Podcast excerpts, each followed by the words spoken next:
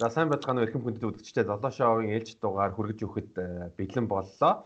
Өнөөдрийн маань зочин бол маш э, сонирхолтой хүн. Энэ бол э, Ухаанд докторийн зэрэг зэрэгээр сурж байгаа залбоо байна. Урилга хүлээж авсанд маш их баярлалаа.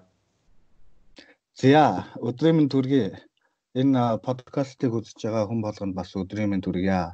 Юуны төрөнд бас сонирхолтой яриа өрлөө өгс золоод их баярлалаа. Миний хувьд бас яг иймэрхүү анх удаа юм одоо сүүлийн залуучуудын дунд маш их тренд болоод байгаа энэ подкаст гэдэг энэ платформд анх удаа оролцож байна. Их сонирхолтой бас залуучуудад хэрэгтэй сэдвээр бас ярилцгаа хаа гэж найдаж байна. За тэгээд юуны дөрөнд өөрийгөө танилцуулъя тийм ээ. Намайг Золбоо гэдэг энэ жил 31 настай а төв эцгийн багшийн сургууль гэдэг Ухаатын хятадын бас томоохон сургуулиудын нэгт докторийн зэрэг хамгаалахаар 3 дахь жилдээ 4 дахь жилдээ суралцж байна. Тэгээ та бүхэн бас мэдж байгаа саяхан бас энэ дэлхийн нийтийг аюулт түгшээгээд байгаа коронавирусын халдвар тархацаар шалтгаалаад одоогийн байдлаар Монгол нутагтаа ирсэн Монголоос тэр дундаа Сэлэнгэ аймгаас золоотойгоо холбогдож байна. Сонсогч А сонсогч. Байна байна сонсогч. За өөрийгөө за өөрийгөө сайхан танилцуулчихлаа. Ямар докторийн зэрэглэлээ ямар чиглэлээр хамгаалж байгаа юм? Би олон улсын улс төр олон улсын харилцаа чиглэлээр э, докторийн зэрэг төвтийн багшийн сургуульд хамгаалахаар зорж байна. А мөн бас Монгол Улсын сургууль болохоор улс төрийн шинжилгээ ухааны чиглэлээр докторийн зэрэг бас давхар судлаад хоёр доктор хамгаалах гад зүтгэл явж байна да. Өө зөв. Хоёр хоёр доктор хоёр зэрэг хамгаалах гад Мөлсийн нөгөөх нь бол ууханыхаа их сургуулаасаа тийм байна тийм ээ. Мм зөв зөв. За би ер нь уухаан болон Хүбэй мужийг судалгад маш сонирхолтой байна. Ягаад гэвэл Хүбэй гэдэг нэр нь өөрөө бол юуны нуурын нуурын хойд хитэг гэж байгаа юм байна тийм ээ. За тий.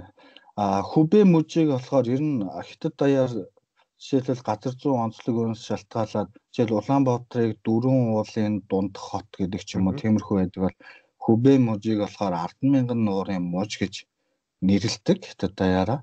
А яг бидний бас амьдарч байгаа, сурж байгаа Ухаан хотыг бол 1000 нуурын хот гэж нэрлэдэг.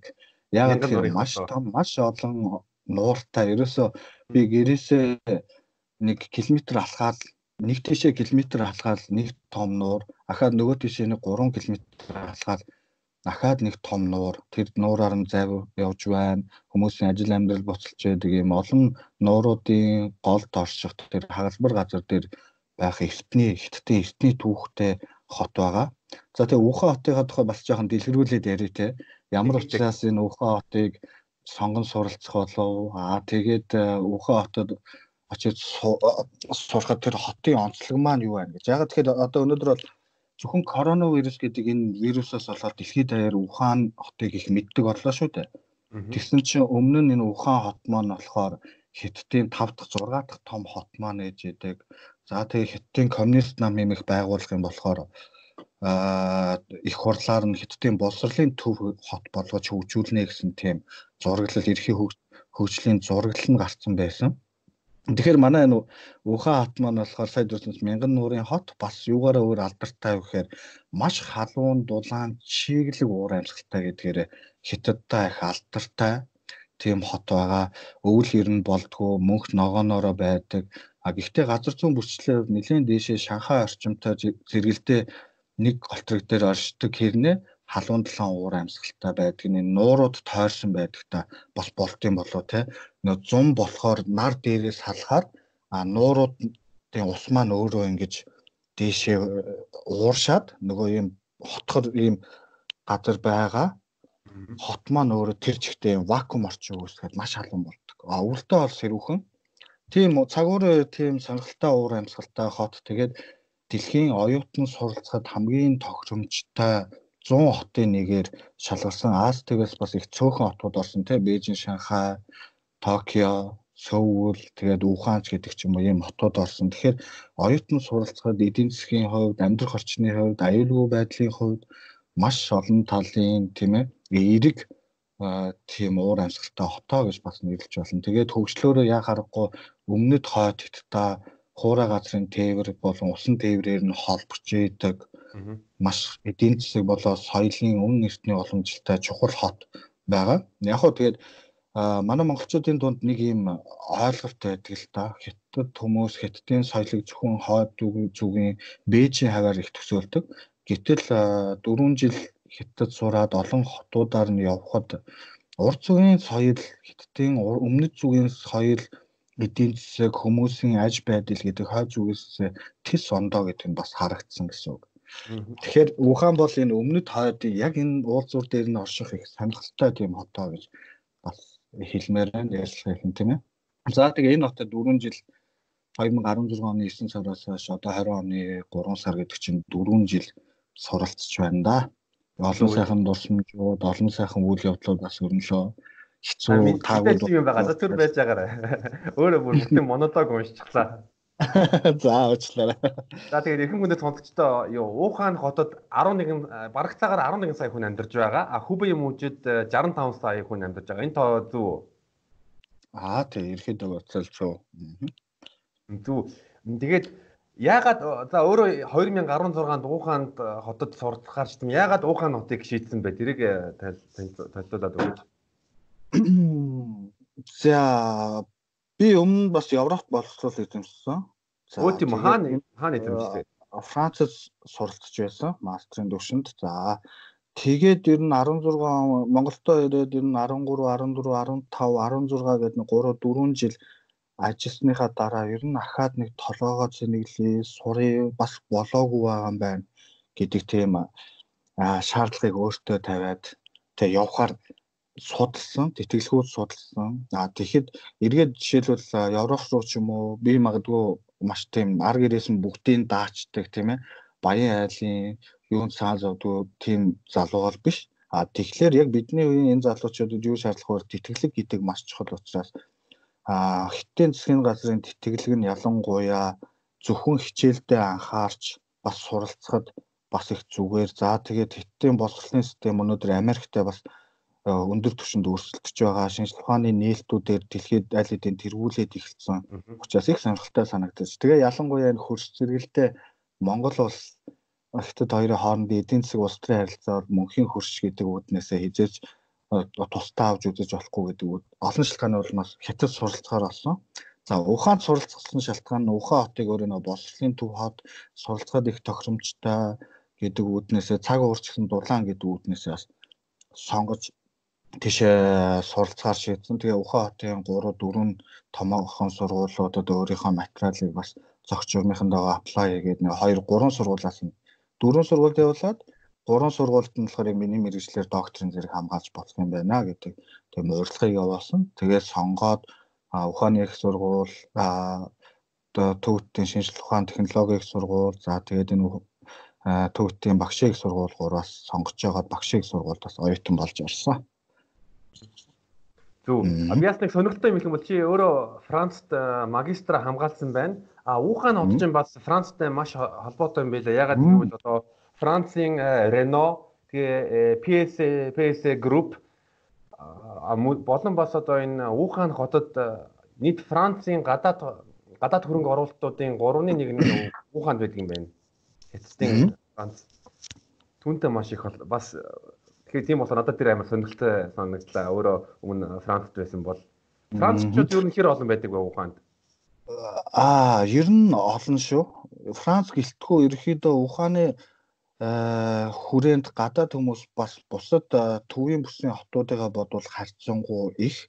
Ягаад тэгэхээр эдийн засаг технологи өндөр хөгжсөн гэдэг утгаараа олон үйлдвэр улсын хэмжээний болоод гадаадын хөрөнгө оруулалтаа олон үйлдвэрүүд байдаг учраас Франц гэлтгөө Европ хүмүүс бас их. За тэгээд сүүлийн үед Хятад Африкийн харилцаа өндөр түвшинд өгч болохоор Африкууд их, тэгээ Азиуд их тиймэрхүү түвшинд байна. Би энийг нэг ингэж сонсч байсан Ухаан Францын харилцаа нөгөө харт тамхины дайн гэдэг нь шүү дээ, тий.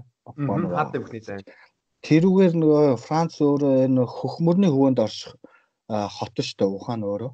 Тэгээд хөх мөрөн болохоор номхон талаатай шууд холбогддог. Тэгээд энэ гол хяналтын бүсэд Англи, Франц, Америк бас ингэж хуваагаад Франц өөрийн хяналтын бүсээ бас ухаан тогтоож исэн болов. Төрнөөс нь үндэслээд энэ Францын барууны соёл их өндөр түвшинд эртнээсээ хөгжсөн. Тэгээд Францаас хамгийн том хөрөнгө оруулалтыг авдаг хятадын хот нь өөрөө Ухаан хот. Тэгэхээр энэ Франц болоод хятадын Ухаан хотын найрамдал харилцаа олон жилийн бас түүхтэй соёл Европ Франц тэрэндээ Франц соёл их нэвтэрсэн байхаа гэж хардیں۔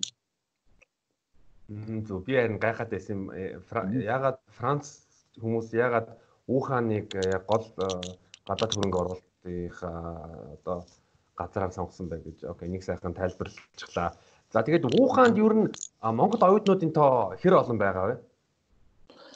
За яг өнөөдрийн байдлаар бүртгэлтэй буюу тухайн сургуулиудад нэг 7 8 8 том сургууль сурдаг монгол оюутны тоо бол 250 орчим 60 орчим байна уу. Яг нарийн тоог нь бас мэдхгүй манай оюутны холбоо гаргасан тоо байдаг 250 60 гэсэн. А тэрнээс яг идэвхтэй сурсдаг оюутныг 210 орчим гэж сонссон шүү. Идэвхтэй бус гэхээр нь юу гэж ойлгох вэ? Яг хөө сургуультай бүртгэлтэй хэрнээ жилийн чөлөө авчихсан эсвэл очихгүй байгаа тийм ээ. Сургуулаасаа яг гараагүй хэрнээ ухаандаа тогтмол ажиллаж амьдрахгүй байгаа. Угстай. Тэгээ Ухаан дахь Монгол оюутны холбоонд юу н хэдэн гишүүн байгаа бэ? Тэгээд Ухаанд юу н хэдэн оноос хойш Монгол оюутнууд суралцахаар явж эхэлсэн бэ? За яг яг нарийн түүхийг нь бол тэгж онцлон судалж байгаа юм. Мэдээ социализмын үед Хятад бас Монгол Хятадтай харилцаа хэвийн төвшөнд байх 60 50-аад оны үед бол олон хүмүүс бас суралцж байсан гэсэн. Гэхдээ Ухаан суралцж байсан хэсгийг мэдэхгүй 80-аад онд бас суралцаж төгссөн. За тэгээд зах зээлийн нийгэмч хилцснээс хойш 90-ад оноос хойш бол нэлээдгүй хүмүүс бас Ухаан хотын томоохон сургуулиудад бас суралцаж төгссөн. За энэ тоон болохоор энэ 2000-ад онд жоохон өсөхгүй байж ирсэн аа. 2010-ад оноос эхлээд огцом нэмэгдэж эхэлсэн гэж байна. Би хамгийн анх Ухаанд 2014 онд очиж төвтийн шинжилгээ ухаан технологийн сургууль дээр нэг 14 хоног мэрэгжил хийсэн. 10 хоног юм байна. А тэгж яхад ухааны хэмжээнд нэг 70 орчим монгол оюутан байна гэж ярьж ирсэн. Би очиод оюутнуудтай уулзаад лекц зохион байгуулад ингээ явж яхад нэг 70 орчим монгол оюутан нийтдээ нэг 5 сургуулийн хүрээнд байна гэсэн тийм тоо өгч байсан. А өөр 16-нд оюутан болоод очиход 100 гарцсан, аль хэдийн 120 30 болсон байсан. Тэгээд тогтмол жил болгон тогтмол үсээд одоо нэг 200 гарan тийм ээ 210 20 орчим оюутнууд байна. Тэгэхээр тогтмол өсөөл яваад байгаа гэсэн. Зөв. Тэгэхээр ерөнхийдөө 210 идэвхтэй оюутан байгаа юм байна. Тэгээд та хэд ууханд суралцж явах үед яг энэ коронавирусын мэдээ анх хизээ сонсогдсон бэ?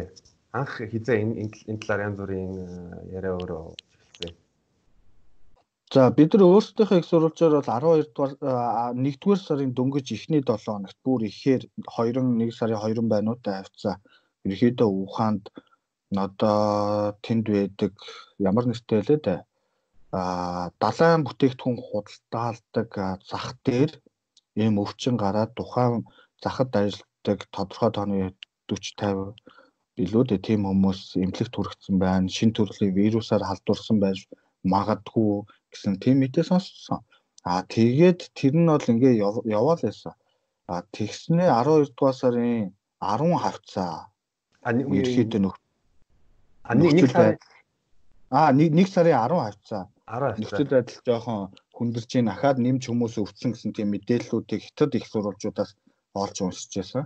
За тэгээд айхтар их сурвалж байж байгаад ерөөхдөө нэг сарын 20 хавцаанаас эхлээл хот нөхцөл байдал туйлын хүнд боллоо гэсэн мэдээллүүдийг сонсоод эхэлсэн шүү. Тэгэхээр нэг сарын нэг сарын 7-оос авахуулаад бол ер нь одоо хятадын их сурвалжаас бол энэ амтны захаас ер нь хүмүүс 40 50 хүн өвчилж байна. А дараа нь нэг сарын 20 үед яг бүр хотын захиргааны албан ёсны мэдээлэл сонссон юм. Хот хотын байдал хүнд болж эхэлж байна. Нэг сарын 7 биш, нэг сарын 2-ын хавцаа юм байна. Тий, нэг сарын 2-ын хавцаа. Тэгээд бид нар чинь тэр үе чинь нөө кампусаасаа дийлэх гардггүй яг хичээл хаагдах гэсэн шалгалт шүүлгээ уу учраас элдв зүйлсд анхаарахгүй тэгэл кампуста байж исэн. Тэгэл 1 сарын 3 4 хавцаа хичээл ерхийдөө амраад би болохоор 1 сарын 7-нд нь Филиппин руу яваад гисэн амрах гад. Тэгэхэд Ухааны нисгүүдэл дээр зүгээр байсан чи Хонконгод буусан чинь хүмүүс маск тараагаад Ухаанаас ирсэн гэсэн чи халуун хэмжээл ихэлсэн. А тэгэнгүүт дэлхийн нийтийн хэмжээнд бас энэ мэдээллүүд тархсан юм байна. Ер нь Ухаан бас голомтод бүс болж байгаа юм байна гэсэн тийм мэдээллийг анх тэгж өөрийн биеэр хүлээж авч ирсэн. Тэгээ 1 сарын 15-нд би Ухаанд буцаж ирээд тэгээд Ухаанд буцаж ирснийхаа дараагаас нь болохоор гадуур явхад бол нөхцөл байдал харьцангуй тайван масктай хүмүүс цөөхөн за 10 тутмын нэг л маск зүүсэн тийм байдалтай байсан. Тэгээд ер нь кемпусаасаа гарахгүй байж исэн чинь 1 сарын 20-оос л ер нь нөхцөл байдал маа туйлын хүнд боллоо гэсэн тийм мэдээлэлүүд гарч ирсэн дээ. Мм зөв. Мм тэгээ 15-наас Филиппинээс хурж ирлээ. А тэгэд Вуханыг тэр жигт нь одоо карантинлаад хотыг нь хаана гэдэг мэдээлэл нь хизээ гарч хизээ гарч ирсэн. Тэрийг бол ерөөсөө нөө өвчтөе хүмүүсийн тоо ихсэж байна. Өдөрт 50 60 хүн шинээр халдвар авч ийн гэдэг 1 сарын 17 хавцаанаас мэдээллүүд WeChat болоо одоо бусад их сурвалжууд дээр гараад ирсэн. Бид нэр хараад за энэ нөхцөл байдал биштэж ин да гэдгийг бас гадарсан. А тэгсэн чинь нэг л өглөө босоод ирсэн чинь буюу 1 сарын 22-ын 23-ны өглөө за ингээд хотыг бүхэлд нь карантинлаа. Хөл хорой тогтоож блоклоо. Гадагшаа гарах болоо дотроо нэвтрэх бүх зам сүлжээ, онгоцны буудал бүх юг хаалаа гэсэн тийм мэдээ ирээд оюутнуудыг оюутны байрнаас огт гарч болохгүй. За тэгээд өөрсдөө өөрөөсөө аюул байдлыг хэрэгтэй гэдэг нөгөө эрүүл мэндийн орчин сэргийлэх төр заавар зөвлөмжүүдийг ерөнхийдөө өгөөд ихэлсэн. Мм зөв. Тэгэхээр ерөнхийдөө тэр мэдээг сонсоод ерөнхийдөө ууханаас Монгол руу буцах ер нь боломжууд хэр байсан бол? За миний хувьд болохоор тэнд их нэртэйгээ хамт суралцдаг. За тэгээ бит хоёрын хувьд Филиппин очиж ирээд 1 сар 2 сарын ихээр 15-нд Ухаанд буцаж ирээд 2 сарын ихээр ерөнхийдөө Монгол буцъя гэсэн төлөвлөгөөтэй онгоцныхоо билетийг захиалчихсан байсан. Яг нөгөө 1 сарын 25-нд чинь Хятадын цагаан сар болсон шүү дээ. Дэлхийд ирэх хамгийн том шилжилт хөдөлгөөн тэр үеэр болдог. Хятад даяар Хятадаас бусад улсууд руу тийм ээ. Тэгээд нөгөө ийм том метрополитен хотод байгаа хүмүүс чинь хөдөө орон нутгад байдаг ар гэрийнхэнтэй уулзахаар явдаг. Яг тэр үеийн тохиолсон учраас нөгөө онгоц болоод бусад бүх төрлийн тээврийн хэрэгслийн плетний олдоц маш муу байсан. Үүнтэй шалтгаалаад бол оюутнууд нэг бол 1 сарын 15-наас өмнө буцах, нэг бол 2 сарын 1-ээс хойш буцах гэсэн тийм сонголтуудад тулж ирсэн. Тэгээ би болохоор 2 сарын 1-ээс хойш 2 сарын ерөөдөө 5 6 хавцаа буцъя гэсэн тиймэрхүү бодолтой байсан.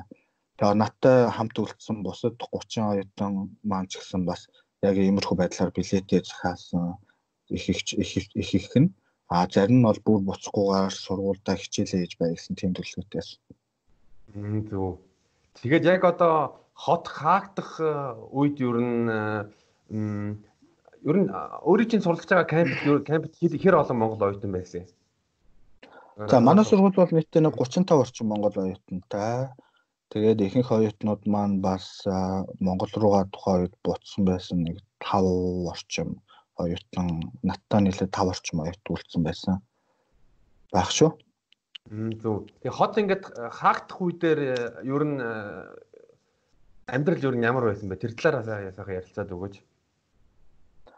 За яг энэ нөгөө хоёр тийм үндсэн нөхцөл байгаа. Тэр нь юу гэсэн үг вэ гэхээр нэгдүгээрт нь болохоор дотор байрандаа буюу сургуулийнхаа кампуст амьдардаг оюутнуудын хувьд болохоор нөхцөл байдал харьцангуй тайван Яагаад тэгэхээр бүх аюулгүй байдал болоод кампусаас гарч орох хөдөлгөөнийг нь тэрүүн дэндээ бас сургууль маань өөрөө тусгаарлаж карантинлчихж байгаа учраас гайгүй.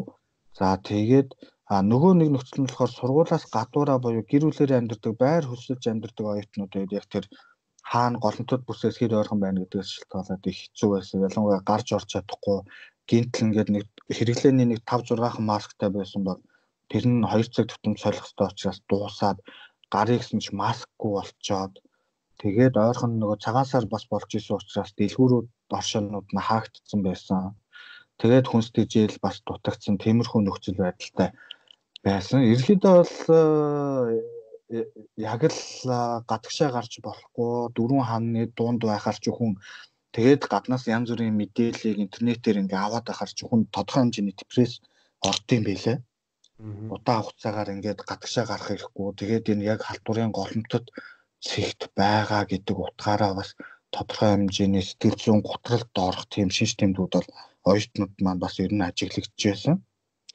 Тэгээ амьдрал бол ерөөдөө хэвээ үргэлжлэж байгаа боловч хөл хорооны баримтлах хөстэй дэглэмүүдийг сургуулиас тогтоогоод өгсөн байсан учраас тэр болгоныг ерөөдөө дагаад өөрөө өөрийнхөө аюулгүй байдлыг хангаад огт гадагш гарахгүй цонхоо нээхгүй элдв үзүүлэр стрессгүй байхыг л ерөөдөө хичээж гисэн да. За Тэгээд долбоо өөрөө цагаа яаж э, нүгчж исэн бэ? Яаж э, яаж өөрийгөө аргацсан бэ тэр үед? Аа за. Миний хувьд болохоор э, анх 11 сарын 15-наас эхлээд ерөөхдөө өөрийнхөө дипломын ажлыг энэ хугацаанд бичиж эхлэе гэсэн төлөвлөгөөтэй байсан. Тэгээд эдгээр нөхцөл байдал хэцүү байсан ч ерөөхдөө өдөрт өөрийгөө айл болох завгүй байлгах за тэгээд дархлаагаа дэмжих тэхийн тулд аль болох эрт унтаад эрт босоод гэртээ бас баг зэргийн дасгал хөдөлгөөн хийж байх гэдэг ч юм аа нэг урд өмнө байсан амьдралын хвшлээ баг зэрэг өөрчилсөн яг тэр карантины үед тохиолдуулаад. За тэгээ мэдээллээр бас бусдыгаа хангаж бай гэдэг үндснээс нэг WeChat-ын групп тэнд байсан 31 оюутнуудынхаа дунд нээгээд аа нээсэн байсан групп төр нэгдэж ороод тэгээ оюутнууд та нэг зохион байгуулалтанд ороод хоорондоо санаа бодлоо солилцоод бие бинийгээ бас дэмжиж ерөөдөө бол тухайн нөхцөл байдалтай их зохицож л байж байсан да. Зөв. Тэр 31 оюутнуудаас ер нь би бас нэг зураг мураг харж байхад бас нэг жоохон хүүхдтэй айлууд байсан тийм оюутнууд байсан тийм ээ. Тий, Ухаан хотод болохоор зарим сургууль гэр бүлэрээ суралцахыг зөвшөөрдөг. Мэдээж бүгд бакалаврын оюутнууд биш. Магистр болоод докторийн төвшөнд сурж байгаа 20-оос 30, 40 насны залууч бол суралцдаг учраас гэр бүлтэй оюутнууд ч байдаг. Гэр бүлтэй оюутнууд хоёулаа Ухаан хотод суралцж байгаа тохиолдол ч юм уу хүүхдээ Монголоос авчрах, тэнд хятад бас баг сургууль сургах, цэцэрлэгт явуулах тийм ээ. Тиймэрхүү гэр бүлүүд бол байдаг. За яг тухайн үед болохоор манай хамт байсан мэлх хөвгттэй гэр хувьд болохоор хоёулаа нэг сургууль сурдаг. Тэгээ гадуур бас байр түрээсч амьдардаг.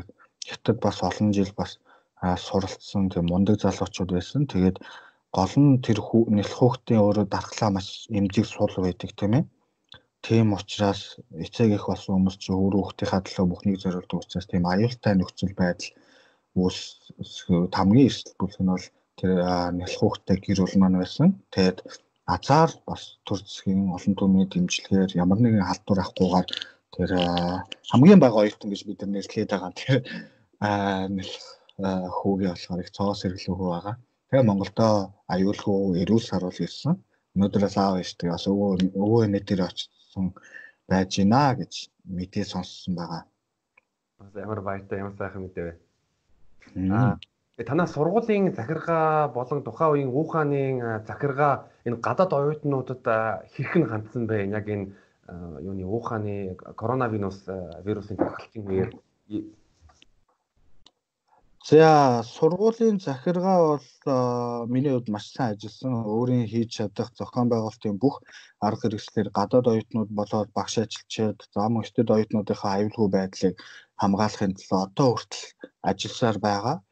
Яагаад тэгэхээр энэ өөрөө боловсролын байгууллага тэгээд оюутнуудынхаа гадаад улсад сурч байгаа ялангуяа оюутнуудынхаа эрүүл мэнд аюулгүй байдлыг хамгаалах үүрэгтэй гэдэг утгаараа галын тэргуун шугам багш ажилчдын зохион байгуулалттайгаар орж ажиллаж ирсэн. Оюутнуудаа маск хөргүүлэх, халууны хэмжих, эрүүл мэндийн хэмжих өвчлсөн оюутнуудыг эмнэлэг түргэх, бусад оюутнуудаа халдвар тархахгүй байх гэх мэт маш олон төрлийн үйл ажиллагааг авч зөв мөн сэтгэл зүгээр дэмжиж мэрэгжлийн сэтгэл зүйчдийг бас ажилуулж оюутнуудыг бас хөл хорионы үед бас а ямар нэгэн сэтгэл готролд орхоос сэргийлж байнгын онлайн хэлбэрээр захин хэлбэрээр хооронд нь холбогдуулж группүүд үүсгэж за тэгээд бид эдийг явснаас хойш бол нөхцөл байдал нөгөө Ухаанаас нүүлгэн шилжүүлэх ерөөдөө улсууд буюу 30-аад улсууд оюутнуудаа татаж аваад Африк болоод Өмнөд Америкийн олон орны оюутнууд бас үлдсэн.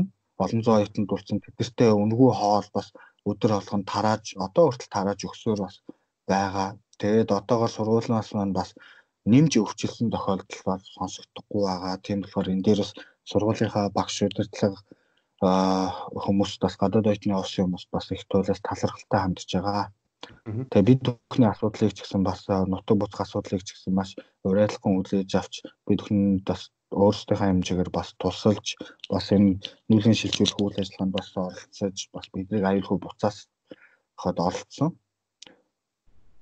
Зөв. Ер нь их танаа өөрийнхөө сургуулийнхаа дотор байр нь ер нь ямар харагддаг юм бэ? Тэр талаараа сайхан яриад өгөөд ер нь ганцаараа амьдардаг юм уу эсвэл юу өрөөндөө бас нэг өөр нэг оюутантай цог амьдардаг байсан юм уу? Тэр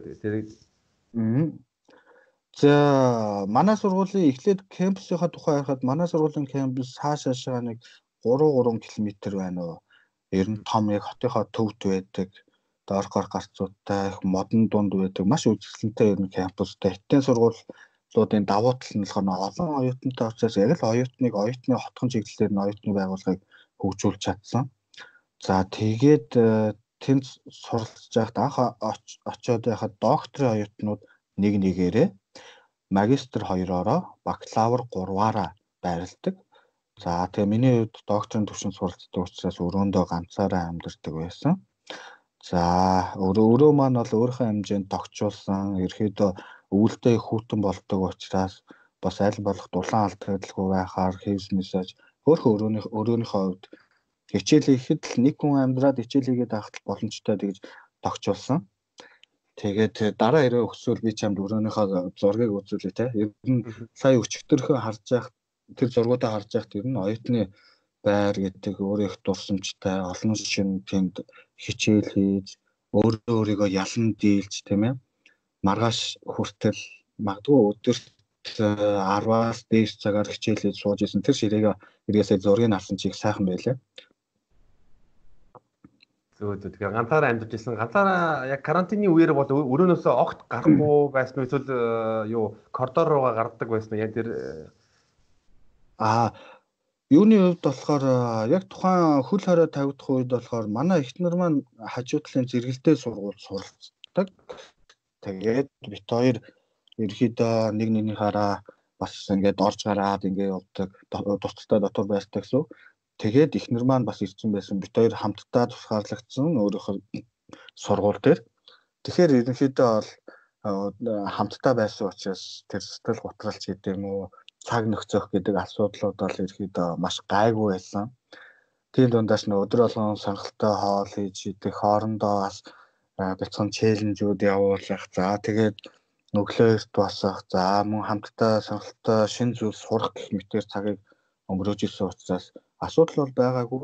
Харин ганцаараа байсан тэгээд өрөөндөөс огт гарч болохгүй байсан оюутнуудын хувьд бол нөхцөл байдал бол их хэцүү байсан. За ялангуяа манай сургуулийн ер нь олон тэгж ганцаараа амьдардаг оюутнууд ер нь бакалавр магистрийн түвшний оюутнууд болохоор өрөөндөө хөрөгч байдгүй, хөрөгч авдгүй. За тэгээд тухайн өдөр өдөртөө жишээлбэл гаднаас хүнс аваад аа сургуулийн нийтийн галтгоонд давхар болгонд идэг нийтийн галтгоонд очиод хоолой гэдэг идчихдэг. За эсвэл ихэвчлэн ер нь гадуур хоолдог сургуулийнхаа шитан гэж нэрлэдэг нөө нийтийн хоолны газар, оюутны хоолны газар очиж хоол идчихдэг. Тийм байсан учраас нөгөө энэ карантин болоод нийтийн хоолны газар нь хаагдаад за тэгээд өрөөнөөсөө гарах ирэхгүй болцохоор ялангуяа тухайн оюутнууд маань их хүнсний дутагдал орж ирсэн. Хүнс мах босод өргөр хэрэглээний хүнсний бүтээгдэхүүнүүдэд нөөцлж авч чадаагүй байсан учраас бас хүнд байдалд орж исэн байхаа гэж бодож байна. Тэгээд хоол хүнс гэдэг чинь бас сэтгэл зүйтэй их холбоотой байдаг шүү дээ. Хүн хоол идчихээр л нэг сэтгэл зүй нэг тайвшраал нэг тайван болоод аж авлын гормон ялгараал гэдэг. Өсөөл өсөөл дараал ахаар цухалдаал бие тухгүй болоод сэтгэл зүй хувьд унаал эхэлдэг тийм ээ. Тийм учраас ерөөдөө бол энэ тухайн цаг мөчид бол ерөөдөө бол оюутнууд маань бас хоол хүнс баг зэрэг дутагдчихсан байхаа. Тэрнээсээ болоод бас өрөөндөө бас сэтгэл готролдоос авчихсан байх. А гэхдээ бид нөө хоорондоо холбоотой байсан би энийгээ бас сэтгэл зүгээр дэмжижсэн учраас даваа гараад ирсэн баха гэж бодож байна. Яг сонсогч байна. А тэгээд одоо Ухаандаага та бүхнийг Монгол руугаа буцаж авчрах аяныг юу н хин санаачлагдсан санаачлаг гаргасан. За, ерөөдөө нэг хот хөл хорой тогтоож гадагш гарах бүх тэр юу блоклог гэхэд ерөөдөө за бид нар ер нь буцахгүй бол болохгүй байна гэсэн тэр мэдрэмжүүд бол төрж эхэлж исэн. Гэхдээ яг ямар аргаар яаж буцах ёстой вэ? Хотоос яаж гадагш гарах ёстой вэ гэдэг зүйлийг судалж эхэлсэн. За ингээд бид нар хоорондоо групп байгуулад нэгдээд элчин сайдын яамда ингээд энд Монгол улсын 31 иргэн Ухаан хотод хөл хорионы бүсэд горомтод бүс байгаа шүү. А бид нар одоогоор халдвар аваагүй эрүүл саруул байна. А цаашид нөхцөл байдал ямар болж хүндэрхийг бас мэдэхгүй магадгүй эсвэл нөхцөл байдал зүгээр болчих юм билүү та бүхэн бас биднийг анхааралтай аваарай гэсэн тийм хүсэлтийг бас холбогдсон. За тэгээд элчин сайдын яам маань бас маш шуурхай ажиллаж, шуурхай зохион байгуулж бидэртэй бас яг хамтарч ажиллах хүмүүсийг бас томилсон байгаа. Тэгээд элчин сайдын яамтайгаа байнга холбоотой байсан. За тэгээд бүр энэ өвчлсөн тохиолдлууд өдөрт 100 100-аар 3 400 500-аар 1000-аар ингээд нэмэгдээд эхлэхээр ерөөхдөө энэ голомтын бусээс оюутнуудаа бусад улс орнууд авч эхэлсэн, татаж эхэлсэн. За тэгэхээр ингээд татаад эхлэнгууд бид нар ч Монгол улсынхаа засгийн газарт бас ер нь бусад улс орнууд Солонгос, Япон тийм ээ улс орнууд өөрсдөө оюутнуудаа татаж авч байна. Бидэрт ийм боломж байгаа юу гэдэг тийм хүсэлтэд тавьсан. Тэгээ элчин сайдын яам маань бус холбогдох бүх төрлийн судалгааг нь хийгээд тэгээд за татаж авах юм боломж байна. Та бүхэн төвчөртөө үлээж арай энэ засгийн газрын хуралдаан нар орох байхаа гэж асан. Тэгээд бас Монголын төр засаг маань бас шийдвэр гаргаад бид бүхнийг бас татаж авсан гэж бодож байна. Энд болохоор маш олон хүний тийм ээ засгийн газар холбогдох яам тамгын газрууд нь ажиллаж байгаа маш олон хүний хүч хөдөлмөр орсон. Ялангуяа элчин сайдын яамны, эрүүл мэндийн яамны маш олон хүмүүс бас сэтгэл зүрхээ гаргаж ажилласан түүний үндсэн дээр бас энэ бас нэг Монголын түүхэн тэмдэглэгдэх үйл явдал боллоо шүү дээ. Гадаадд улсад аюулд орсон иргэдээ төр засаг нь аюулыг үл харгалзсан авчирдын эрсдлийг үл харгалзсан тийм ээ хамгийн боломжит нөхцлөөр нь авчирч чаддсан байна. Тусгаар тогтносон улсын иргэд байна гэдэг өөрөө ямар үн цэнтэйг улс нь иргэнээ хэрхэн хайхарч тгийг гадаад харилцааны бодлого ямар зарчмаар явагдгийг бас олон монголчуудад ойлгуулсан үйл ажиллагаа болсон. Тэр дундаа бидний энэ 31 оюутнуудад бас эх орноо хайрлах тийм ээ Монгол төр зэсгтээ итгэл бас нэг шатаар нэмэгдсэн тийм үйл явдал болсон гэж бодож байна. Мм зөв зөв. Тэгээд юу Монгол Монголдоо нутагтаа ирлээ. Тэр үед ер нь сэтгэл ямар байсан бэ яг ууханаас. Тэгээд ууханаас гарахтаа яг тусгай одоо тээврээр тээврийг яаж зохицуулж одоо уухаан одоо кампусаасаа экс юу руугаа онгоцны буудлал руу А тэр бол яг тусгай зарчмын дагуу энд бол бүрэн яг ингээд нөгөө нууцтай холбоотой асуудал учраас шууд дэлгэжүүлж чадахгүй тийм ээ. Хоёр улсын чинь засгийн газар хоорондын гадаад харилцааны яамт хоорондын хийсэн нүүлгэн шилжүүлэх үйл ажиллагаа гэдэг утгаараа бас өндөр хэмжээнд зохион байгуулагдаж бүх а зохион байгуулалт үйл ажиллагааны дистараа төлөвлөгөө нь эхнээсээ гарчихсан байсан. Тэгвэл тэрний дагуу бид нар яваад Монголдоо бас газарчсан. Тэгээд а Монголдоо бол газартаа эрхэн хавдууртад ашигласан босод үйл явдлуудыг бол та хэд манаас мэдчихэж байгаа ах тийм ээ. Зүг зүг. Монголдоо хизээ ирээд тэгээд э, хизээ карантинаас э, гарсан билээ. За миний бидний хувьд 2 сарын 1-ний өдөр ирсэн. 2 сарын 1-ний өдөр ирээд халдвар зөвчсөн судлалын үндэсний төвд бидэрт зориулсан бэлтгэсэн байсан тэр дулаахан сайхан нэрхтээ тэр тусгаарлах өрөөнүүдэд нэг нэгээрээ гэрүүлэрээ хамт байсан хүмүүс бол хоёр хоёроо гээд тусгаарлагдаад тусгаарлагдаад 14 хоног тусгаарлагдаад хоёр төрлийн шинжилгээ өгөө тэгээд гарсан. За мөн эмнэлгээс гараад өөрийгөө гэртээ 14 хоног буюу бас 28 29 хүртэл тусгаарласан. Тэгэхээр яг албан ёсны 2-7 хоногийн карантин хийсний дараа өстө очоод бас давхар 2-7 хоногийн карантин гэдэг 2 сарын 28 29-нд тусдаа гарсан уу тийм энэ хооронд ерөөсөө гэрээсээ бол яг хав маск юугээ мал зүүцээгээд нэг л удаа машинтай машинаа оноод гадуур гарч нэг ямар ч олон хүмүүстэй харилцаанд оролцохгүйгээр нэг 22 хавцаа ч юм уу гадуур гарч явсан. Тэрнээс өөрөөр бол ерөөсөө гадагшаа гараагүй. А яагаад тэгэхээр энэ нөө дэлхийн эрүүл мэндийн байгууллагын зөвлөмж нь бол өөрөө 14 хоног гэж байгаа тийм. Гэхдээ мянгад нэг 10 мянгад нэг ч юм уу а миний унснаар бол 10 мянгад нэг тохиолдолд бол шинж тэмдэг илэрхгүй байж байгаад нэг 20 орчим хоногийн дараа илэрсэн тийм ганц нэгэн тохиолдол байсан гэсэн. Гэхдээ бас өөрөө ухамсар түүний хувьд гэр бүл хайртай дотны хүмүүс за тэгээд энгийн ажиллаа гэзгүй бол энэ явж байгаа нийгэмд байж байгаа монгол хүмүүстэй бас магадгүй алтур тарахгүй гэдэг үндснээс ухамсараараа бас өөрийгөө бид нар бүгдээрээ ахаад нэмээд 14 хоног тусгаарласан. Ингийгч бас үүрэгтэй гэж ойлгож байсан. Эрүүл мэндийн яамнаас бас бид нар тийм зөвлөмжүүдийг дагаж мөрдөрөө гэж өгсөн учраас бас тусгаарласан. Харин одоо бол миний бодлоор хуу иргэн болгон өөрөө ухамсартай санаачилтай байгаад одоо хүмүүсээс өөрийгөө хязгаарлаад ажил гэр хооронд одоо алсаас ажиллах боломжтой бол гэртээ зөөрөөр ажиллаад хүмүүстэй ер нь харьцахгүй байсан илүү дээрэлтэй угаасаа хууны иргэн одоо энэ 2 3 7 хоногийг даваад тэгээд хүлээх хэвээр. Мм. Би бас яг тэгж бодож байна. Энэ урдчлан сэргийлнэ гэдэг одоо жишээлбэл энгийн үед хөлс их гаргуул дайны үед цус их баг гардаг те цус баг гардаг гэдэг тийм үе байдаг үг байдаг шүү дээ хэлж. Тэрэн шиг энэ урьдчилан сайн сэргийлж чаднаа гэдэг төр зэсэг ахуй хүн бас өөрөө ухамсараараа өөрөө өөрийгөө болоод энэ нийгмээ урьдчилан сэргийлэхийн тусгаарлах хөл хорой тогтоохын ажлыг сайн явуулж чадах тэр хэмжээрээ бид нар эрсдлээс нэг алхам сэргийлж чадж байгаа гэсэн. Үүнийг дагахгүйгээр одоо Европын олон улс орнууд алхуурсан хөл хорой тогтоох шаардлагагүй эдийн засагт нөөсвөргөөр нөлөөлнө гэж үндсний үндсэн дээр одоо эргээд коронавирусын дэгдэлт нь төв нь Европ болчихсон.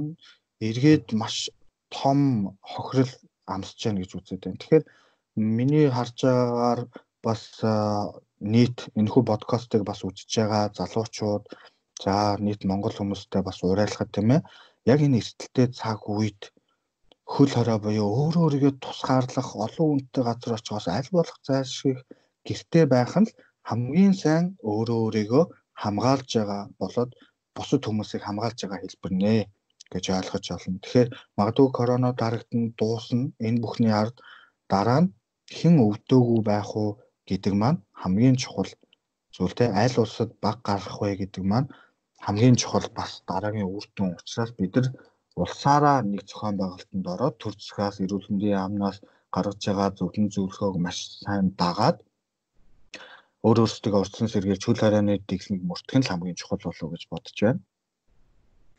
Би бол энтэй санал чинь би бас 2 хоногийн өмнө бүр сэтгэл хөдлөмөр зураг авсан. Тэр 3-8-нд Мадридэд одоо эмэгтэйчүүдийн баяраар одоо феминист бүлгэмүүдийн 120 мянган хүн Мадридын гудамжаар ингээ алхаа явж ирсэн. Ерөөсөө Маркс үгээгүй.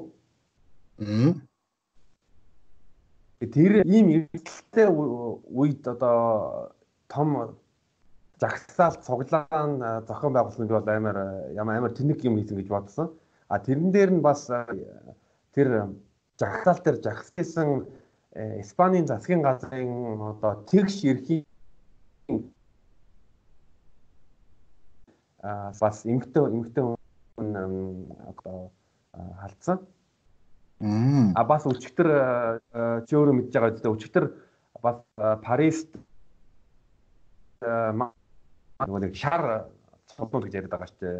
Жон Жон Вест тэр тэр хүмүүс бас их хэмжээний хэдэн мянган хүмүүсийн жагсаал жагсаал Парис хотод бол хийсэн. Тийм болохоор би бол үнэхээр гайхсан. Ямар тэнэг үйлдэл хийж байна. Ямар том эрсдэлт өөрсдийгөө авчирж байна. Харин тэ заримдаа нөгөө арчлал гэдэг маань өөрөө зөвхөн их биш давхар үүрэг хариуцлагыг дагуулж явдаг гэдэг нь барууны ертөнцид арай өөрөө тусаад байгаа юм шиг надад санагддаг. Тэгээд хитрхи хүн өөрийгөө төв гэж бодох альва улс үндэстэн өөрийгөө төв гэж бодох нь эргээд аюулыг их дагуулдаг гэдэг шиг бусдаас нөгөө сургамж авч бусдын алдааг давтахгүй байх гэдэг дээр ялангуяа Европ ТV-ийн Европ хүмүүс баг зэрэг тийм алхуурсан болов. Одоо хүртэл бас жишээлбэл түрүүний кейсээр бас Испани бол Европт өвчлөөрөө Италийн дараа 2 дугаарт орж байгаа шүү дээ. Гэтэл дөнгөж 2 3 хоногийн өмнөөс л энэ хөл хоройг тогтоож ингэж байна гэхээр бас тухайн улс үндэстнүүдийн онцлогоос гадна хариуцлага байдал гэж бас дүгнж хэлмээр байна. А миний бодлоор бол энэ төр засгийн уламжлал шийдвэр гаргах нэгдсэн зохион байгуулалтанд орох тэр чадвар болоо тэр хувийн тэр институтууд бол Аз хүмүүст ялангуяа энэ зүүн Азийнханд маш өндөр байдаг гэж би хардаг. Япон, Солонгос, Таиланд, Вьетнам тэ ийм энэ хүмүүс ялангуяа бас монголчууд ч гэсэн яг энэ тал нутгатайгаа хүмүүсийн хувьд болохоор нэгдсэн тийм зохион байгуулалтанд орох чадвар илүү Европ хүмүүсээс илүү өндөр байдсан болов гэж би хувьдаа хардсан. Тийм ч утгаараа өнөөдөр Японд, Солонгост, Хятадд өвчлөлийн та өдөр ирэх тусам багсаад, буураад, хяналтандаа аваад явж байна тийм ээ. Тийм болохоор ийм билээхэн жишээнүүд байхад үүнийг бас ашиглах хэрэгтэй болов уу гэж бас боддتي. Би бас э, яг энэ яриаг э, ярьж ярьж явах үед манай Монголын төр засагта баярлаа гэж хэлмээр ягаад гэвэл 1 сарын 24-нд э, яг дэлхийд даяар зарлаг хятад улс Ухааны коронавирусыг зарлах үед Монголын төр засаг маш шуурхай одоо сургуулиудыг хаагаад а бас нийтийн нийтийн том ивентүүдийг хаагаад бас цагаан сарын үеэр хөл хорой тавьсан бол маш их баярлж байна. Бас бас иргэдтэй маск зүгээрээ ер нь хүмүүстэй харьцах багтаарэ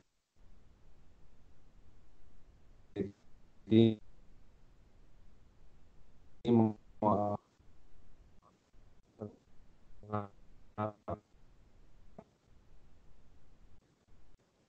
Жохон гацаад ах ээ. За одоохон би нэг сүлжээг нь хараач гэдэг. За. Жохон гацаад байна одоох.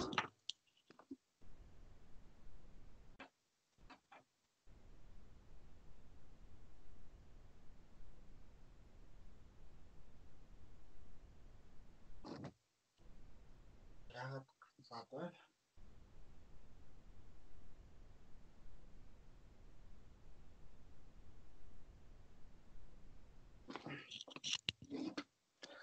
Аа байна. За одоо яаж вэ?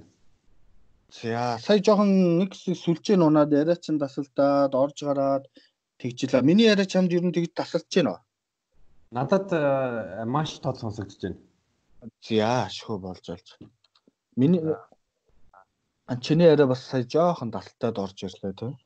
А би юу хэлчихсэн бэ гэвэл манай төр засагта засагт баярлаа. Маш шуурхай шийдэмгий зүү шийдвэр гаргалаа. Энийний ачаар Монголд э, коронавирусын тоон ганц одоо одоогийн байдлаар ганцхан байгаа тийм болохоор бид нар бол энд бол маш их баярлах ёстой тийм болохоор бүгдээрээ одоо хүлээгээд исээд гэр ихтэй байгаад хүлээх ёстой зүйл шүү гэдгийг хэлж байна. Аа тэгэлгүй яах вэ?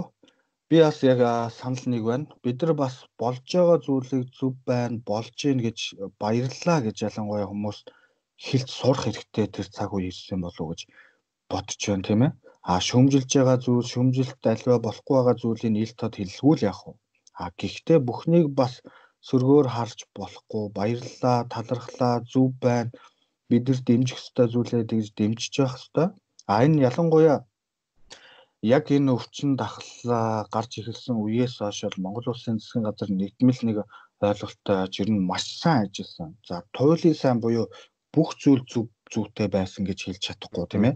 А гэхдээ ард иргэдийн зүгээс харж байгаа би бас нэг иргэнийхээ хувьд харж байгаа өнцгөр бол маш сайн ажилласан, нойр хоолоасан, өндөр зохион байгуулалттай ажилласан тийм болохоор бас нэг баярлалаа гэж хэлэх нь бас болов тийм ээ. Эрүүл мэндийн яам болоод холбогдох хүмүүс тийм ээ. Баярлалаа. Би бас нэг э, яг өөрийн чинь э, бослолтой хамааралтай нэг юм байна. Би бас манай манай ерөнхийлөгч Баттулгыг бас э, сайшаалмаар байна. Ягаад гэвэл яг Вухан хятадын Вуханы одоо коронавирусын тархсны дараа хамгийн түрүүнд Ши Жинпингтэй уулзсан бас 30 мянган хон хандивсан Монгол улсыг төлөс. Энд бол би бол маш их баярлсан. Бас ямар бас зөв сэтгэсэн бэ гэж бодож байна. Яг зөв момент зөв моментын дээр зөв хөдөлгөөн хийсэн. Монголын гадаад бодлого харуулсан. Тий. Би улс төр судлаач мэрэгчлээ. Тэгээд энэ улс төрийг буюу улс төрчийн хамгийн гол эзэмсэн байх чадвар юу вэ гэж харддаг вэ гэхээр мэдрэмж гэж харддаг. Манай Батулга ерхийлэгч бол энэ мэдрэмж гэдэг бол үнэхээр өндөр төвшөнд төгссөн. Яг төв төргөөс гэсэн бас олон улсын төвшөнд бас гаргаж тийм ээ. Хоёр дахь ерхийлэл төрийн тэргүүн болсон гэсэн байх шүү. А Ши Жинпинтэй уулзсан Хятад яг энэ коронавирусын тархалт идэвхнээс хойш айлцсан хоёр дахь ерхийлэгч болсон гэж бодсон уншсан. За тэгээд энэ Батулга ерхийлэгчийн бас энэ хойно бэлгсэн шийдвэр нь өөрөө маш алсын араатай дипломат бас а ёс зүйд нэг шатгарын нүүдлэр бол маш зөв нүүдэл болсон гэж бас чамтай яг санал нэг байна.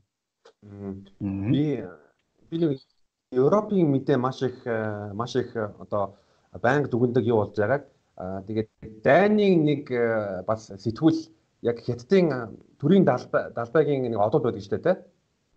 Тэрийг ин коронавирустай болгоод а бас хэд хэдэн орнууд хятад улсыг шүүмжилсэн. Өөрөөр хэлбэл хятадын хятадын төрийг нүүр алдахыг алдах алдах юм ер нь үүсгэсэн. А Жинпинг бол яг нэг Шинхуа нэт дээр яг а Монголын нэг гэвэл яг тэр Ши Жинпигийн үгийг нь орчуулад монголчуу Монголын засаг маш их баярлаа. Хэрэгцээтэй үед нэг туслыг бид нар бүтэн хүрхрээгээр буцааж өгнө гэдэг итгэлтэй байна гэж хэлж байгаа байхгүй юу? Харин тийм гэсэн. Тэгээ миний хувьд бол ингэж яадаг монголчууд одоо хятад гэхээр янз бүрийн ойлголттой байдаг те. Наа тэгээд бас их айцтай нэг талаар байдаг. А би бодохдоо бол хүн мэдхгүй зүйлээсээ илүү их айдаг. Бид нар харанхуугаас айдаг нь мэдхгүй тэр дотор харанхууд юу байгааг мэдхгүй учраас илүү айдаг гэж би боддог. Тийм ч учраас энэ хятадын соёл уламжлалыг тодорхой хүрээнд тийм ээ шинжлэх ухааны төвшөнд монголчууд бас судалж мэддэг болох хэрэгтэй. Хятад гэдгийг зөвхөн ирээнээр төсөөлж болохгүй. Яагаад дэлхийн улс орон болгон хятадтай харилцах гад тэднэртэй наймаа хийх гээд тэдний соёл урлагаас судалж хятад хүмүүсийг ойлгох гээд байна гэхээр тэнд хятад нэгдүгээрт өнөөдөр хүч байна, мөнгө байна. А тэгэхээр Монгол хүмүүс хамгийн нэгдүгээрт үндэсний эрх ашгаан бодож тийм ээ. А хоёрдугаарт нь бас олон улсын давцсан төлөөс үүргээ биелүүлж энэ хоёр хөршин харилцааг тэнцвэртэй төвшөнд маш зөвөр бас авч явах ёстой. Аль аль төвшин жирийн иргэдийн төвшин төр улс төрийн төр засгийн төвшинч төр Тэгэхээр миний ойлгож байгаагаар одоо энэ зарим хөдөлгөөнд эдэр шиг хиттыг бас хит үзэн ядаж болохгүй. Сайн зүйлийн сайн байна гэж хүлээж авч тэднээс суралцах зүйлийг хүлээж авч аа тодорхой хэмжээгээр зайгаа барих зүйл дээр л зайгаа барьж явах хэрэгтэй гэсэн тийм үзэлтэй байдаг. Аа мм хэлж байгаа юм а дуусчих би тэгээд дараа нь хэлчихье. Аа за. А тэгээд э, энэ дээр болохоор сая бас нөгөө яхад энэ хятад хятад сурдаг оюутнуудын тухай бас мэдээлүүд явуулсан шүү дээ тий. А яг ч хятад сурдیں۔ хятадын цустай болохоор сурд юм ч гэдэг ч юм уу. А миний хувьд хятад очихдоо оо хятадд л мэддүү хятадтай ямар нэгэн холбоо харилцаа байхгүй байсан. Олон оюутан яг надтай ажил энэ улсын хөлийг өөрийн амьдрал ахуйдаа цааш дашиглах тийм ээ судалж мэдих өөрөө өөрийгөө сорих тийм зорилгоор бас очсон болов гэж бодож байна. Тэгээд өнөөдөр бид яг энэ аливаа зүйлийг шинжлэх ухаанчаар харах цаг нь иржээ. 21-р зуун болсон. Бид нар өнөөдөр Америкт байгаа, Хятад байгаа, Солонгост байгаа хүмүүстэй магадгүй сэлэнгэд би чи Улаанбаатарт байгаа л ингээ харилцаж байгаа энэ цаг үед бас хитрхи жалга довны үзэл гаргах, хитрхи тийм үндэслэг үзэл гаргах нь буруу үндэсний үзэл болоод үндэслэх үзлээ бас зөв таньж зөв ойлгож байхгүй бол нөгөө нэг хэд үндэслэх үзлээр 40-од оны 30-од оны сүүл 40-од онд Герман яаж баларлаа. Бид нар тэр түүхийг давтаж болохгүй хуршүүттэйгээ найрамдал харилцааг эрхэмлэж явах хэрэгтэй. А хамгийн нэгдүгээр улс үндэсний эрх ашгаа бодож авах хэрэгтэй. Энэ оюутнуудын хувьд ч гэсэн бас илрээсээ гараасаа оюутнууд ялангуяа олон оюутнууд сураасаа Тэгээд сурах сурахтаа хамгийн нэгдүгээрт нь иргэний үүргээ ухамсарлаж монгол хүн гэдгээ ухамсарлаж сураасаа гэж би бас боддтой. За одоо та хэлэх гэснээ бас хэлэхгүй бол яриач бас тасраа жоохон сонжруулаад ээж магадгүй уучлаарай. Зүгээр л дажгүй дажгүй болж байгаа сте. Дажгүй болж байна, дажгүй болж байна. Би бол маш их маш их баярлж байна. Би өөрөө гадаад худалдааны салбарт ажиллаж байгаа болохоор нийгэмд дурдмаар байна. Нэг сард Монгол Монгол улс энэ сарын 1 сард одоо гашуун сухад бомтоор хоногт 110 ачааны машин хятад руу нүүс экспортлж исэн бол өмнөх 2019 оны 1 сард бол 1100 ширхэг ачааны машин нүүстэй эвлж исэн. Маш их хэмжээгээр Монголын Монголын экспорт буурсан. Монголын экспорт юун юун дээр оршдог вэ гэвэл одоо нүүрс, зэсийн баяр шимэл тий уудуурхан энэ бүтээгдэхүүн энэ дээр бол манай эдийн засаг оршин тогтнодог. Тийм болохоор хэрвээ бид нар урд хүрштэйгээ 8 худалдаа хийхгүй бол бидний одоо эдийн засгийн оршин тогтнох маш хүндрэлд орно. А бас нэг юм гэвэл эмийн эмийн одоо бэлтгэл эми эм үйлдвэрлэхэд гол бүтээгдэхүүнүүдийг хятад бол үйлдвэрлэдэг. Тэгэхээр хил хаах юм бол Монгол руу эмийн бүтээгдэхүүн, эмийн сандаага дийлэх бараа бүтээгдэхүүн байхгүй байна гэсэн. Эсвэл Монголын эмийн үйлдвэрүүд түүхий идэ идэ нийлүүлж чадахгүйгаас болж имээ үйлдвэрлэж чадахгүй гэсэн үг юм аа. Тийм болохоор хилээ хаана хилээ хятад улстай хилээ хаах тэрийг энийг эсвэл урайлах бол үндэслэхгүй гэдгийг хэлмээр байна. Байна уу?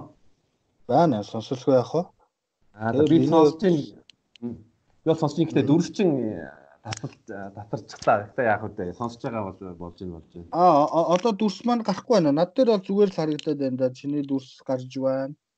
Над дээр бол дүрсчин гатсан байна. Гэтэ яг яриагаа өргөжлүүлж бай.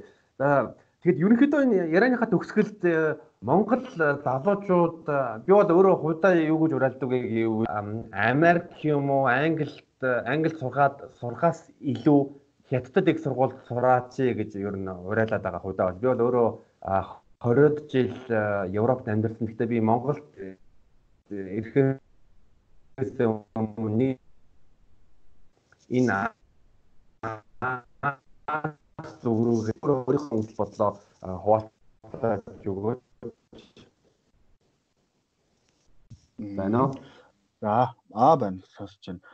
Тэгээ би бас чамтай санал нэг байна. Тэгээд бас юун туруунд ингээд ийм залуучуудад чиглэсэн үзэл бодлоо илэрхийлэх боломж олгосон а бас хэрэг гарган сонсох тийм боломжтой яг ийм контентыг үйлдвэрлээд бүтээгээ явж байгаа чамаар бас маш их бахархаж байна. Аа тэгээд яг саяын хилдэгчлэн бас залуучууд маань бас а зөвхөн Монголдо байгаад байлгүй гадагшаа явж сурах хэрэгтэй. Хоёр улсын буюу альва зүйлийг хооронд нь харьцуулж ижил хүн өөрийгөө бас бусадтай харьцуулж ижил өөрийнхөө ямар төвшөнд байгаагаа мэддэг шүү дээ. Тэрэн шиг бас хоёр улсын боловсрол амьдрал орчин соёлыг хооронд нь харьцуулахын тулд гадагшаа явж сурах хэрэгтэй. Тэгээ хаашаач явж сурч болно. Тэр бол залуу хүмүүсийн өөрсдийнх нь сонголт тийм ээ. А гэхдээ хэрвээ чи Хятад сурвал ямар давуу талтай, Америк сурвал ямар давуу талтай, Польшид сурвал магадгүй ямар давуу талтай гэдгээ маш сайн төлөвлөсний үндсэн дээр сурах хэрэгтэй шүү. А амьдралынхаа тодорхой хугацааг, тодорхой үе шатыг бас өнгөрүүлэх жагаагийн хувьд тухайн жилүүдэд зүгээр үр бүтээлгүй дараа нь ашиглаж чадахгүй зүйл дээр үүрэх эсгүй зөв сурахын тулд ч гэсэн амьдрал сонголт өгдөг учраас аль болох зөв сонголт хийгэрэй гэж бас хүсэж байна. Миний яриа сонсогч байна уу? Сонсогч сонсож байна. Аа тэгээд тэгээд чи түрүү надаас нэг зүйлийг асууж ирсэн шүү дээ. Гэртээ ирэх ямар байна гэдэг. Би түрүү бас бодоол агаад байл л та. Нэрээ гэртээ ирэх ямар аагаан болоо гэж. Гисэн чинь би сүүлийн магадгүй а 2010 11 оноос хойш ирэхэд ганцаараа би дааж амьдэрсэн өрхгөрөө толгойлж гэдэг ч юм уу тийм ээ. А гítэл одоо сүүлийн 4 жил яг бүгд найрамд хотод ирдүүлсэн Хүбэ мужийн Ухан хотод тэнд нь оюутны дотор байраагаа өөрийнхөө гэр гэж үзээд номын сангаа тогтчуулаад тийм ээ амьдрал ахуйгаа тэндээс цлуулаад амралтаараа зуны амралтаараа Монголдоо ирээд найс нөхдөөгөө гэрийнхэнтэйгээ уулзаад аав ээжтэй золгоод ингэ явчихсан. А гэтэл сая энэ өвчин дахал гараад би онгоцоор ингээ буцах гад хитийн тэр нисэх онгоцны буудлын дээр коронавирусын шинжилгээ өгөөд сууж хариугаа хүлээгээд сууж явахдаа юу гэж бодсон бэ гэхлээр би харж чаддаг л агаад гэж. Тэгэхээр миний гэр хаана вэ вэ гэдэг нэг зүйл гараад ирж байгаа. Тэгэхээр миний гэр гэдэг бол одоо ингээ бодоход миний ээжийн байгаа тэр газар бол миний гэр юм байна гэж би бодож эхэллээ. Яг хүн магадгүй ингээд амьдрал үүсэх тусам, зовлон үүсэх тусам матуурж амьдрал үүсэх тусам тусам баг зэрэгээр ухааж ин гэдэг шиг ээж минь эрүүл сарвал миний төлөө анхаарал халамж байд тавиад байж байгаа энэ цаг үед миний ээжийн байгаа тэр газар хаач байж болно. Тэр газар бол миний гэр орон юм байна гэдгийг маш сайн ойлгож байна. Тэгэхээр ирж ээжтэйгээ золгон уулзаад гэртээ байх бол үнэхээр сайхан байна. Хайртай хүмүүстэйгээ ер нь хамт байна гэдэг маш сайхан. Тэгээд залуучуудаа хандаж хэлэхэд хүн хизээс хаашаач явж болно. Гэхдээ ээжээ чинь их орон чинь бас чамааг ямар ч үе ямар ч нөхцөлд хүлээж идэм шүү. Монгол гэдэг бол ясаа тавихад зогсоолсон газар биш тийм ээ. Тийм болохоор гадаад сурж байгаа залуучууд ялангуяа ирж Монголдоо хүчээ өргөөрэй, сурах зүйлээ сурж аваад Монголдоо хүчээ өргөөрэй. Ижитгээ эрүүл сарвал амьд мэнд байхад нь заавал хамтдаа байж уулзж байгаарай. Цаг зав хайртай гэрүүлэхэнтэй зарцуулж байгаарай л гэж уриалмаар байна. Тэгээд миний ээжийн байгаа газар л миний гэр учраас их сайхан байна. Их гоё асуулт асуусан бас их баярлалаа. Аа яруу найраг шиг э, урслаад байгаа залбаа маань. Би ер нь жоохон энэ нэг ярих урлаг юу хүмүүсийг ярьж сайхан ярьж байгаа хүмүүсийг өөрөөсөө ярьж иддэг болохоор их сонсох дуртай л да. Гэхдээ яг нэг багш хүнийхээ хүмүүсийн өмнө гараад үзэл бодлоо илэрхийлцдэг.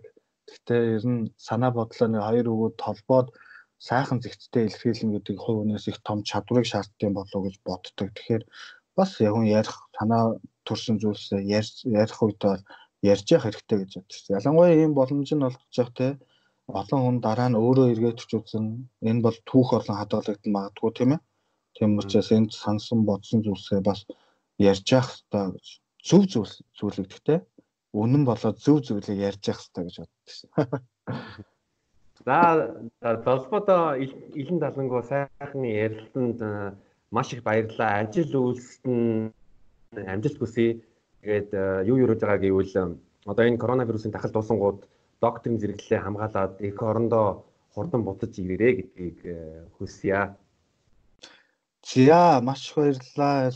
Сонирхолтой нэвтрүүлэгтэй подкастнда бас өнөөдөр намайг бас тоож, урьж ингэж оролцуулсанд их баярлалаа. Хэдийгээр хотод очиод уулзаад нүүр нүрээ харж байгаад ярилцаж чадаагүй ч гэсэн энэ техник технологийн өндөр хөгжил лиг ашиглаад ингээд алсын зэнээс бас хоорондоо дэрэгдээ байгаа юм шиг ингээд ярилцж байгаадаа миний би бас туйлаас таатай байна. Тэгээд энэ хүү яриаг минь бас сонсож байгаа, үзэж байгаа бүх хүмүүстээ бас хамгийн сайн сайхан бүхнийг хүсье.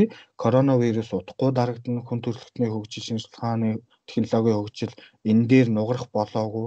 Тийм болохоор гол нь эрүүл мэндэ бодоод амьдрал ахуйгаа зөв сайхан төлөвлөөд Тэгээд эерэг хандлагаар а альваад хандж байгаарэ гэж хүсэж байна. Тэгээд яг энэ коронавигийн үед нэг их гоё үг бас гарсан байлээ. Тэрийг бас хэлмээр байна те. Хариун сөрөг хандлага нь эерэг байгаасаа гэж.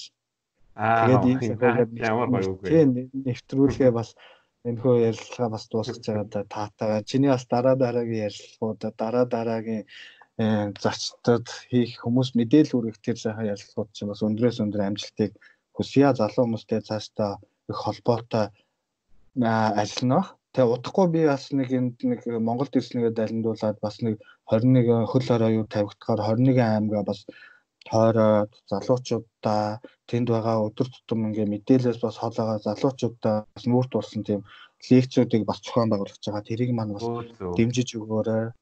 Залуучуудаа бас уулзъя. За энэ тэгээ баярлалаа.